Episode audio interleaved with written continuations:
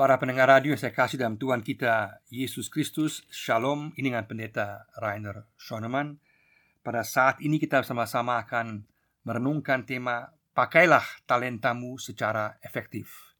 Pakailah talentamu secara efektif. Kita membaca dari Matius 25 ayat 14 sampai 30 Matius pasal 25 ayat 14 sampai 30 perumpamaan tentang talenta. Sebab hal kerajaan sorga sama seperti seorang yang mau berpergian ke luar negeri yang memanggil hamba-hambanya dan mempercayakan hartanya kepada mereka. Yang seorang diberikannya lima talenta, yang seorang lagi dua, dan yang seorang lain lagi satu. Masing-masing menurut kesanggupannya. Lalu ia berangkat. Segera pergilah hamba yang menerima lima talenta itu ia menjalankan uang itu lalu beroleh laba lima talenta. Hamba yang menerima dua talenta itu pun berbuat demikian juga dan berlaba dua talenta. Tetapi hamba yang menerima satu talenta itu pergi dan menggali lubang di dalam tanah lalu menyembunyikan uang tuannya. Lama sesudah itu pulanglah tuan hamba-hamba itu lalu mengadakan perhitungan dengan mereka. Hamba yang menerima lima talenta itu datang dan ia membawa laba lima talenta. Katanya, Tuan lima talenta, Tuan percayakan kepadaku, lihat, aku telah beroleh laba lima talenta. Maka kata tuannya itu kepadanya, Baik sekali perbuatanmu itu, hai hambaku yang baik dan setia. Engkau telah setia dalam perkara kecil, aku akan memberikan kepadamu tanggung jawab dalam perkara yang besar. Masuklah dan turutlah dalam kebahagiaan Tuanmu. Lalu datanglah hamba yang menerima dua talenta itu, katanya, Tuan, dua talenta Tuhan percayakan kepadaku, lihat, aku telah beroleh laba dua talenta. Maka kata tuannya itu kepadanya, Baik sekali perbuatanmu itu, hai hambaku yang baik dan setia. Engkau telah setia memikul tanggung jawab dalam perkara yang kecil, aku akan memberikan kepadamu tanggung jawab dalam perkara yang besar. Masuklah dan turutlah dalam kebahagiaan tuanmu. Kini datanglah juga hamba yang menerima satu talenta itu dan berkata, Tuan, aku tahu bahwa Tuhan adalah manusia yang kejam, yang menuai di tempat di mana Tuhan tidak menabur, dan memungut dari tempat di mana Tuhan tidak menanam. Karena itu aku takut dan pergi menyembunyikan talenta Tuhan itu di dalam tanah. Ini, terimalah kepunyaan Tuhan. Maka jawab tuannya itu, Hai kamu hamba yang jahat dan malas. Jadi kamu sudah tahu bahwa aku menuai di tempat di mana aku tidak menabur Dan memungut dari tempat di mana aku tidak menanam. Karena itu sudahlah seharusnya uangku itu kau berikan kepada orang yang menjalankan uang Supaya sekembalinya aku menerimanya serta dengan bunganya. Sebab itu ambillah talenta itu daripadanya Dan berikanlah kepada orang yang mempunyai sepuluh talenta itu karena setiap orang yang mempunyai kepadanya akan diberi Sehingga ia berkelimpahan. Tetapi siapa yang tidak mempunyai Apa pun juga yang ada padanya Akan diambil daripadanya. Dan campakkanlah hamba yang tidak berguna itu Ke dalam kegelapan yang paling gelap. Di sanalah akan terdapat ratap dan kertak gigi. Pakailah talentamu secara efektif Perumpamaan tentang talenta ini berada dalam konteks pengajaran Yesus mengenai akhir zaman dalam Matius pasal 24 dan pasal 25 dan merupakan perumpamaan yang terakhir dalam rentetan tiga perumpamaan dalam perumpamaan mengenai hamba yang setia dan hamba yang jahat sebelumnya digambarkan mengenai kedatangan sang tuan yang lebih cepat daripada yang disangka-sangka di mana dia menuntut pertanggungjawaban dari para hambanya.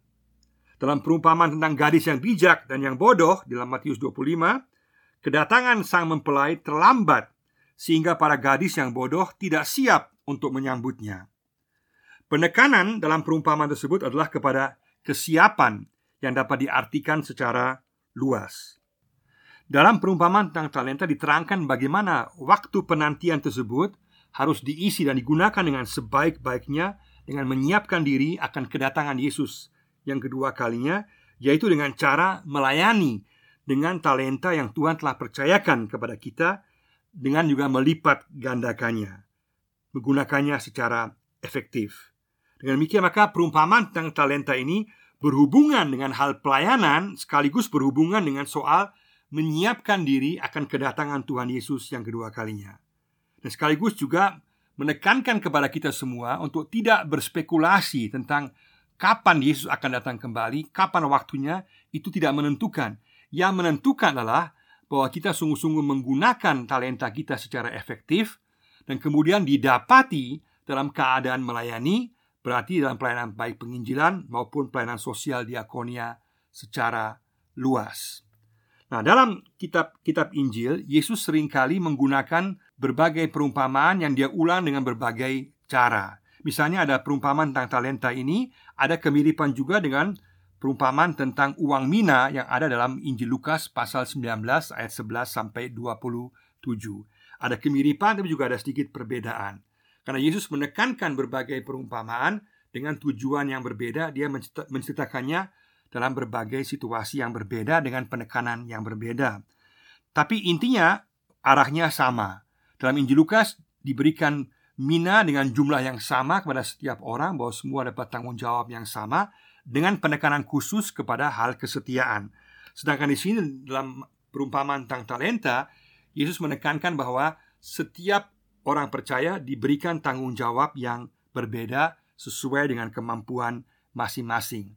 Dan kalau dalam Injil Lukas, perumpamaan tentang uang mina diberikan jumlah uang yang sama dan bersifat mina yang lebih rendah nilainya, maka di sini dalam Injil Matius diberikan tentang talenta dan talenta yang nilainya sangat-sangat tinggi, yaitu sebuah talenta bernilai 6000 dinari, berarti pekerjaan seseorang setiap hari adalah upahnya satu dinar, berarti dia harus bekerja sekitar 20 tahun untuk memperoleh satu talenta. Berarti pemberian yang berbeda 5, 2, dan satu talenta Masing-masing talenta memiliki nilai dan yang sangat-sangat tinggi di hadapan Tuhan Tapi intinya kedua-duanya sama menekankan bahwa kepada mereka yang telah diberikan tanggung jawab yang besar Mereka juga akan dituntut tanggung jawab yang besar Dan dari mereka yang tidak mempunyai apa-apa akan diambil karena mereka tidak setia dalam melakukan tugas mereka.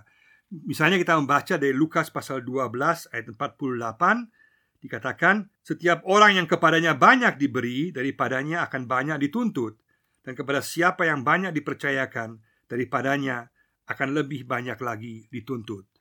Dan prinsip yang sama juga searah dengan lebih memperjelas hal tersebut dalam Injil Matius 13 Matius 13 ayat 12 dikatakan karena siapa yang mempunyai, kepadanya akan diberi, sehingga ia berkelimpahan. Tapi siapa yang tidak mempunyai, apa pun juga yang ada padanya akan diambil daripadanya. Artinya, kita semua dipanggil untuk bertanggung jawab menggunakan talenta pemberian Tuhan dalam kehidupan kita untuk kepentingan pelayanan. Dalam perumpamaan tentang talenta di sini dijelaskan bahwa seorang tuan mempercayakan kepada hamba-hambanya masing-masing lima, dua, dan satu talenta selama kepergiannya dengan harapan bahwa mereka akan melipat gandakannya. Jadi fokus perumpamaan di sini bukan kepada ketidaktentuan waktu kembalinya daripada sang tuan itu, tetapi kepada pertanggungjawaban dan kesetiaan, kesungguhan para hamba dalam menggunakan talenta yang telah dipercayakan untuk dipakai secara efektif. Dua hamba berhasil melipat gandakan talenta yang diberikan, tapi hamba yang ketiga yang jahat dalam ketakutannya berlaku tidak produktif, malas, dan tidak berbuat apa-apa, bahkan juga tidak membungakannya. Maka sang tuan kemudian memuji dan menghargai kedua hamba yang setia, yang produktif, yang efektif, dan kemudian menghukum hamba yang jahat yang tidak bertanggung jawab. Di sini ada empat hal di awal yang perlu saya jelaskan yang penting. Yang pertama adalah di sini bahwa Talenta adalah semua pemberian Tuhan secara luas, termasuk harta kita, kemampuan kita, bakat kita, karunia kita, jabatan kita, waktu kita yang harus kita pergunakan untuk perluasan kerajaan Allah dalam pelayanan pekabaran Injil dan juga sosial diakonia. Karena di sini kita tahu bahwa perumpamaan ini diberikan kepada para murid. Para murid dipanggil untuk memperluas kerajaan sorga menggunakan talenta pemberian Tuhan yang telah diberikan pada mereka yaitu berarti semua kemampuan, harta, bakat, karunia, jabatan, waktu semua harus dipakai untuk kepentingan peluasan kerajaan sorga dan Tuhan memberikan secara berbeda-beda kepada setiap orang percaya. Yang kedua adalah setiap orang bertanggung jawab untuk jumlah talenta yang telah diberikan Tuhan kepadanya berdasarkan kehendak Tuhan dan kemampuan setiap orang.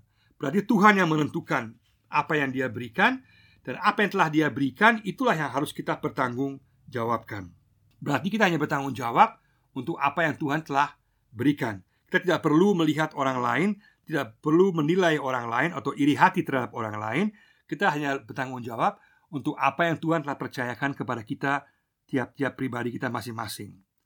Yang ketiga adalah setiap orang mempunyai kebebasan untuk mengembangkan talenta yang Tuhan telah sudah berikan itu kepadanya.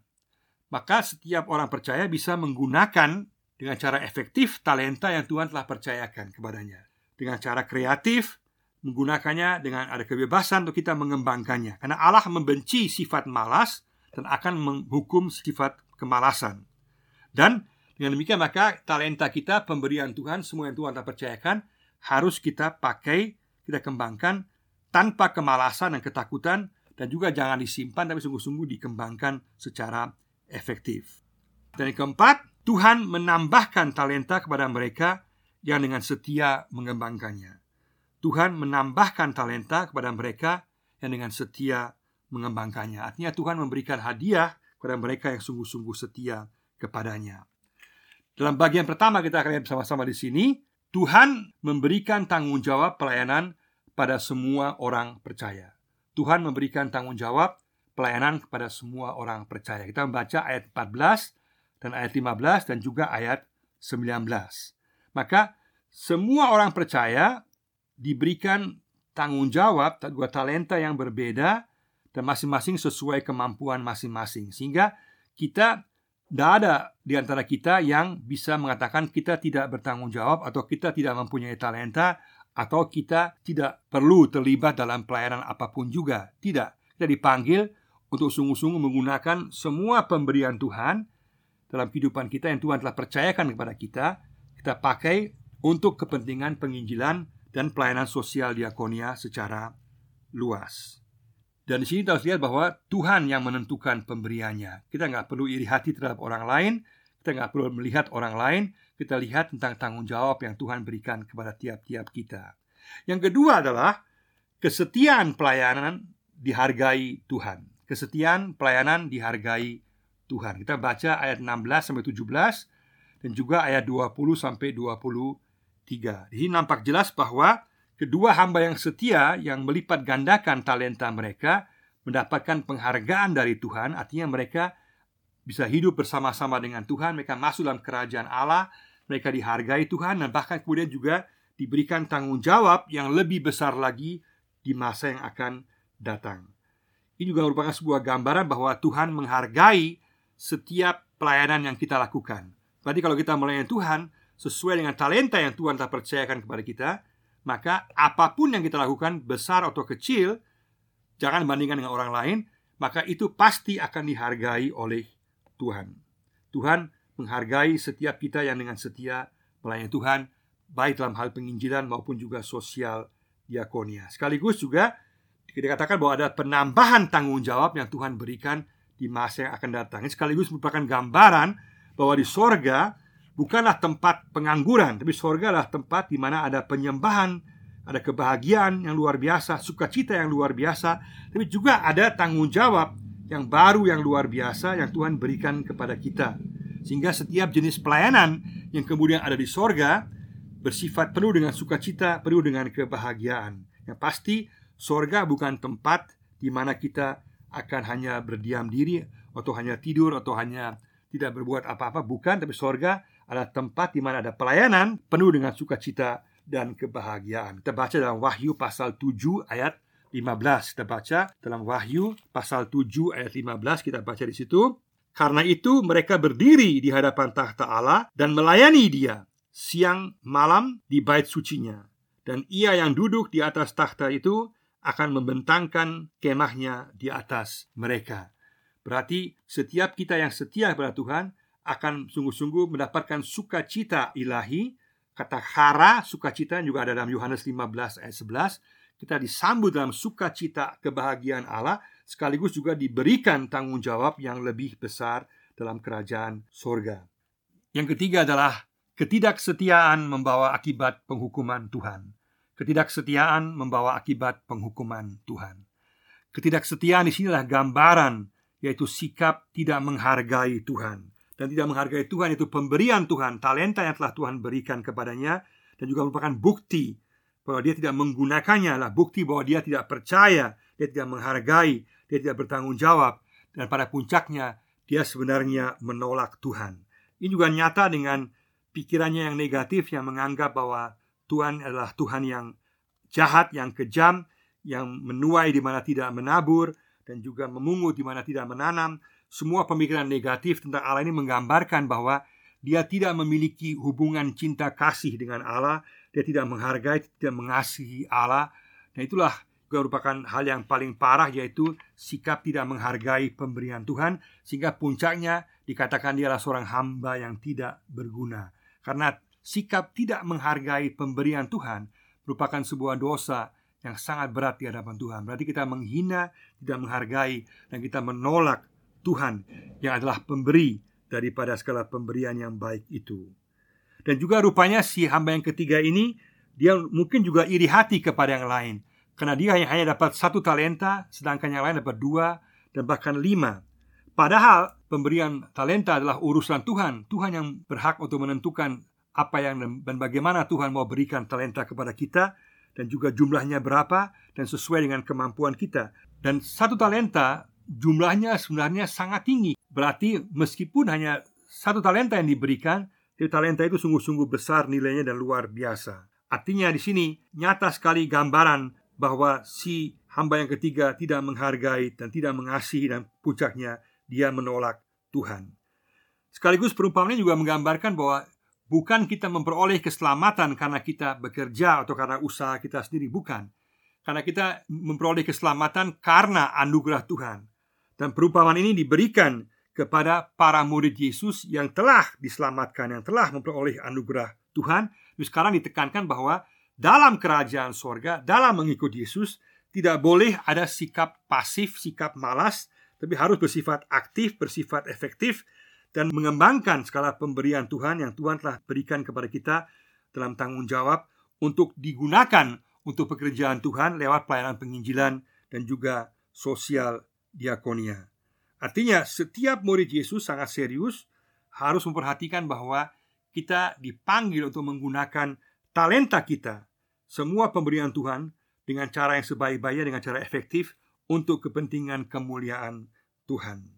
Dan sangat menarik adalah bahwa Yesus yang biasanya berbicara penuh dengan kasih dan memiliki kasih yang luar biasa besar juga berkata-kata dengan sangat keras dan tegas tentang penghukuman kepada mereka yang tidak setia dalam menggunakan talenta mereka dengan hukuman yang sangat berat yaitu dicampakkan dari kehadiran Tuhan dan juga akan dimasukkan dalam neraka dalam mati akan ditolak dari kehadiran Tuhan. Sebuah hukuman yang sangat keras sepertinya, tapi karena hamba yang ketiga ini bukan saja tidak setia dalam menjalankan tugasnya, tapi dia memiliki sikap yang jelas-jelas menolak Allah dengan pemahaman yang negatif, pikiran yang negatif, yang kemudian juga nampak dengan sikapnya yang mengabaikan dan tidak menggunakan pemberian Tuhan dan tidak bersyukur atas pemberian Tuhan.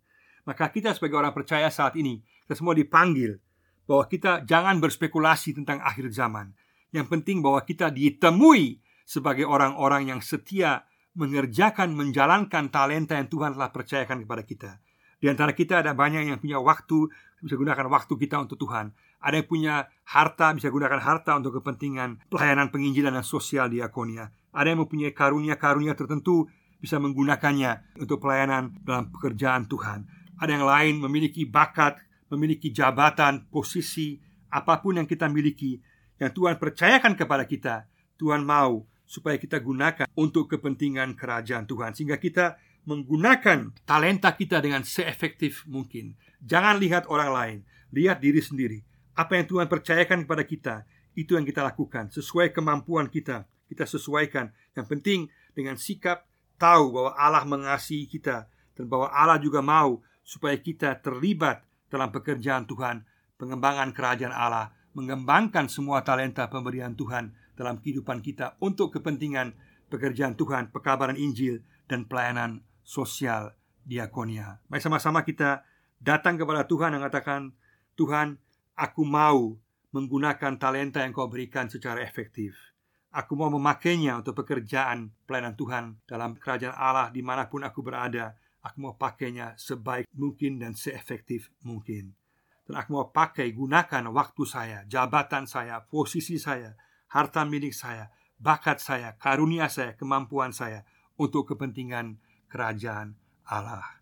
Karena Tuhan memberkati kita sehingga kita semua ditemui sebagai hamba-hamba yang setia yang sedang melayani Tuhan dalam pekerjaan Tuhan dengan menggunakan semua talenta pemberian Tuhan kita dengan sebaik-baiknya untuk pekerjaan Tuhan dalam pelayanan penginjilan dan sosial diakonia secara luas. Kiranya Tuhan memberkati tiap-tiap kita sehingga kita memakai talenta kita secara efektif.